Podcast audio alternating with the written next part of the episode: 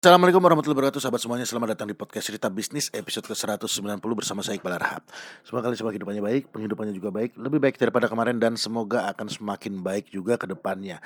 Dan kawan-kawan di podcast ini kita akan membahas banyak hal Terutama mengenai bisnis, manajerial dan keuangan yang akan saya bahas dari sudut pandang saya sendiri Pengalaman saya sendiri, cerita saya sendiri yang saya angkat dari perjalanan saya sebagai seorang praktisi bisnis dan pelaku investasi sejak tahun 2006 Dan saya punya harapan untuk teman-teman semua yang mendengarkan Yang ada keinginan untuk jadi seorang pengusaha dan juga untuk kawan-kawan yang sudah kadung menjadi pengusaha terlebih dahulu dan juga untuk kawan-kawan yang lainnya yang memiliki profesi yang berbeda. Nah, barangkali aja teman-teman bisa mendapatkan wawasan-wawasan baru, insight-insight baru dan wawasan-wawasan yang bermanfaat yang bisa teman-teman aplikasikan dalam kehidupan teman-teman semuanya, gitu ya.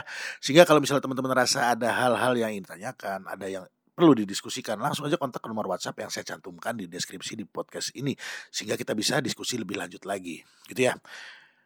Oke, sekarang kita akan masuk ke sesi cerbis kali ini, teman-teman. Dan kali ini saya akan berbicara tentang bagaimana sih caranya kita membeli bisnis dengan modal yang sangat minim, gitu ya. Jadi teman-teman, membeli sebuah bisnis itu adalah salah satu investasi yang cukup menarik.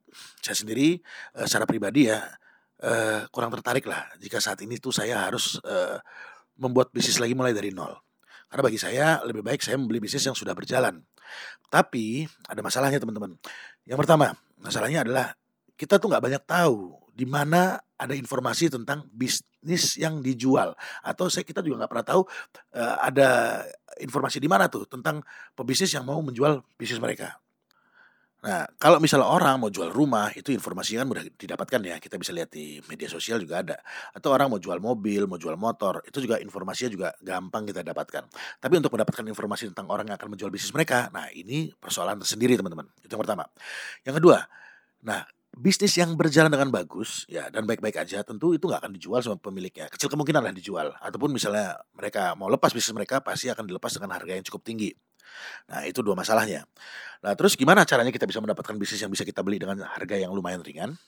Jadi gini teman-teman Ya, kita lihat dulu ya. Kita coba lihat secara data statistik. Di mana kalau kita lihat, banyak orang-orang yang memiliki bisnis itu ternyata sudah berusia 50-an tahun ke atas. Ya, paling enggak 50, 60, 70, 80 gitu ya. Dan uh, mereka juga ada beberapa dari mereka yang sudah mulai lelah ngurusin bisnis tersebut.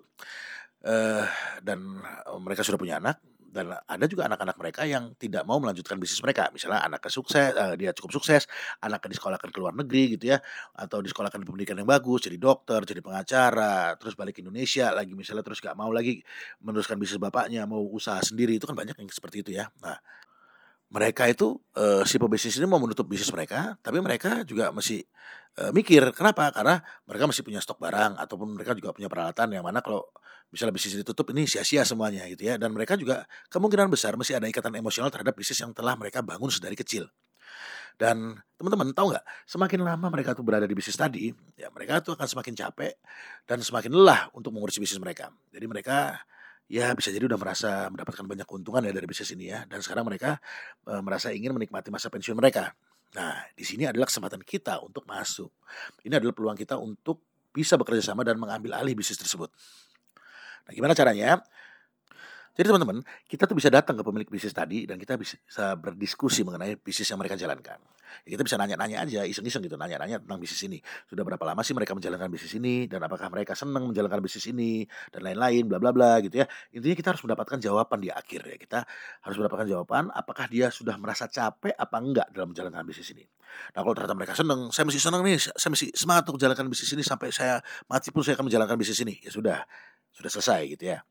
Tapi kalau kita mendapatkan jawaban bahwa mereka sudah capek, mereka sudah ingin beristirahat, nah di sini kita bisa menawarkan diri untuk mengambil alih operasional bisnis tersebut. Misalnya kayak gini, kita bisa melakukan beberapa negosiasi untuk eh, anggaplah misalnya, udah pak bapak istirahat aja, saya yang jalankan bisnis ini, operasional ya saya yang tanggung gitu ya. Nah, eh, tapi ketika saya mengatur operasionalnya juga artinya saya yang mengatur eh, operasional bisnis ini. Gitu. Tapi biaya operasionalnya untuk gaji karyawan, listrik, sewa saya yang bayar. Nah, ketika kita melakukan uh, hal tersebut, kita mengatur operasional bisnis ini, maka kita akan bisa melakukan perapian manajemen, perbaikan penjualan, dan perampingan pengeluaran. Sehingga apa? Sehingga biaya yang kita keluarkan nggak terlalu besar. Ya, daripada kita membeli bisnis ini, ya mending kita biayain aja operasionalnya lebih sedikit gitu biayanya daripada kita harus membeli bisnis ini 100%. Nah, pada poinnya adalah kita harus bisa meyakinkan kepada mereka kenapa sih mereka harus percaya pada kita untuk mengelola bisnis mereka ya. Dan apa yang kita tawarkan kepada mereka serta apakah kita memiliki kompetensi yang bagus apa enggak untuk mengelola bisnis ini ya. Dan kita bisa menawarkan kepada mereka kepada pemilik bisnis tersebut ya untuk uh, bagi hasil misalnya sebesar uh, 10%, 20%, 30% dari keuntungan mereka ya untuk mereka. Jadi misalnya untungnya 100%, ya 70% saya karena saya sebagai pengelola Pak, tapi biayanya dari saya, biaya operasional dari saya. Anda akan dapat untung 10% atau 20% atau 30%. Ya ini negotiable ya. Jadi uh, intinya pastikanlah bahwa hal tersebut itu akan tetap lebih menguntungkan bagi si pemilik bisnis daripada dia itu menutup bisnisnya begitu saja. Nah, dengan demikian, maka kita akan memiliki sebagian kepemilikan dari perusahaan tersebut. Dan di situ kita bisa memperbaiki banyak hal, misalnya kayak manajemen, terus kita bisa memperbaiki penjualan bisnis tersebut, sehingga apa? Sehingga bisnis ini bisa bertumbuh dan sehat kembali. Dan ketika misalnya bisnis itu sudah mulai tumbuh, sudah mulai stabil, sudah mulai sehat, nah kita bisa cari nih siapa orang bisa kita uh, pakai atau mewakili kita lah sebagai uh, wakil direktur uh, di perusahaan tadi untuk menjalankan bisnis tersebut. Ya, kenapa? Karena kita kan harus bisa mencari bisnis yang lain gitu loh untuk kita kita tawar untuk kita akuisisi gitu ya. Sehingga kita harus memastikan bahwa ada orang yang cukup kompeten untuk memegang bisnis ini supaya bisnis ini yang sudah stabil ini bisa tumbuh dengan sehat. Dan kita juga perlu pastikan ya bahwa kita memilih orang yang betul-betul kompeten dan punya integritas untuk posisi ini. Itu teman-teman ya. Nah sekarang ya tinggal anda aja mencari ya siapa orang-orang yang sudah mulai jenuh untuk uh, menjalankan bisnis mereka dan ya ini nggak mesti orang-orang yang berusia lanjut ya bisa aja orang-orang yang masih muda juga tapi mereka berpikir untuk mengganti bisnis mereka ya karena mereka mungkin ya eh, capek atau mereka ngerasa ada hal-hal yang lain lebih bermanfaat atau mereka masih misalnya terjun ke politik ya lain-lain lah ada banyak hal intinya ya kita mulai cari lah siapa orang-orang yang mulai jenuh menjalankan bisnis mereka. Dan kalau menurut penilaian uh, Anda bahwa bisnis ini masih potensial dan masih bisa ditingkatkan kembali gitu ya. Nah, coba tawarkan untuk berkolaborasi kepada mereka. Ya, di mana Anda akan mengelola bisnis tersebut, tapi Anda memiliki kepemilikan dalam bisnis tersebut. Ya, dan jangan lupa tawarkan hal-hal apa saja yang bisa Anda perbuat supaya si pemilik bisnis itu mau menerima Anda sebagai rekanan mereka, sebagai mitra mereka. Ya. Dan eh, teman-teman jangan lupa ya bahwa yang namanya penawaran itu nggak selamanya berhasil kawan-kawan gitu ya. Apalagi kalau misalnya kita belum memiliki kemampuan bernegosiasi dengan baik, maka penolakan itu tetap akan ada gitu ya. Tapi nggak masalah, jangan jadikan hal tersebut sebagai sebuah masalah teman-teman.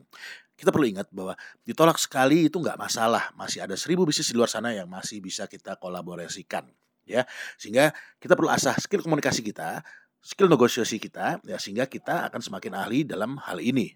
Semakin kita ahli bernegosiasi, semakin ahli kita berkomunikasi, maka semakin banyak bisnis yang bisa kita kerjasamakan dan kita uh, ambil alih kepemilikannya. Gitu teman-teman. Jadi ya itu mungkin teman-teman ya uh, tentang service episode kali ini. Semoga teman-teman bisa mempraktekkan dan mendapatkan esensi dari uh, podcast kali ini. Moga kalau misalnya ada hal-hal yang mungkin kurang jelas gitu ingin ditanyakan sama teman-teman bisa sharing uh, ke nomor WhatsApp yang saya cantumkan di deskripsi di podcast ini kawan-kawan. Oke, semoga bermanfaat buat semuanya. Ya, terutama buat saya pribadi sebagai pengingat diri. Saya cabut dulu. Sampai jumpa di episode service berikutnya. Assalamualaikum warahmatullahi wabarakatuh.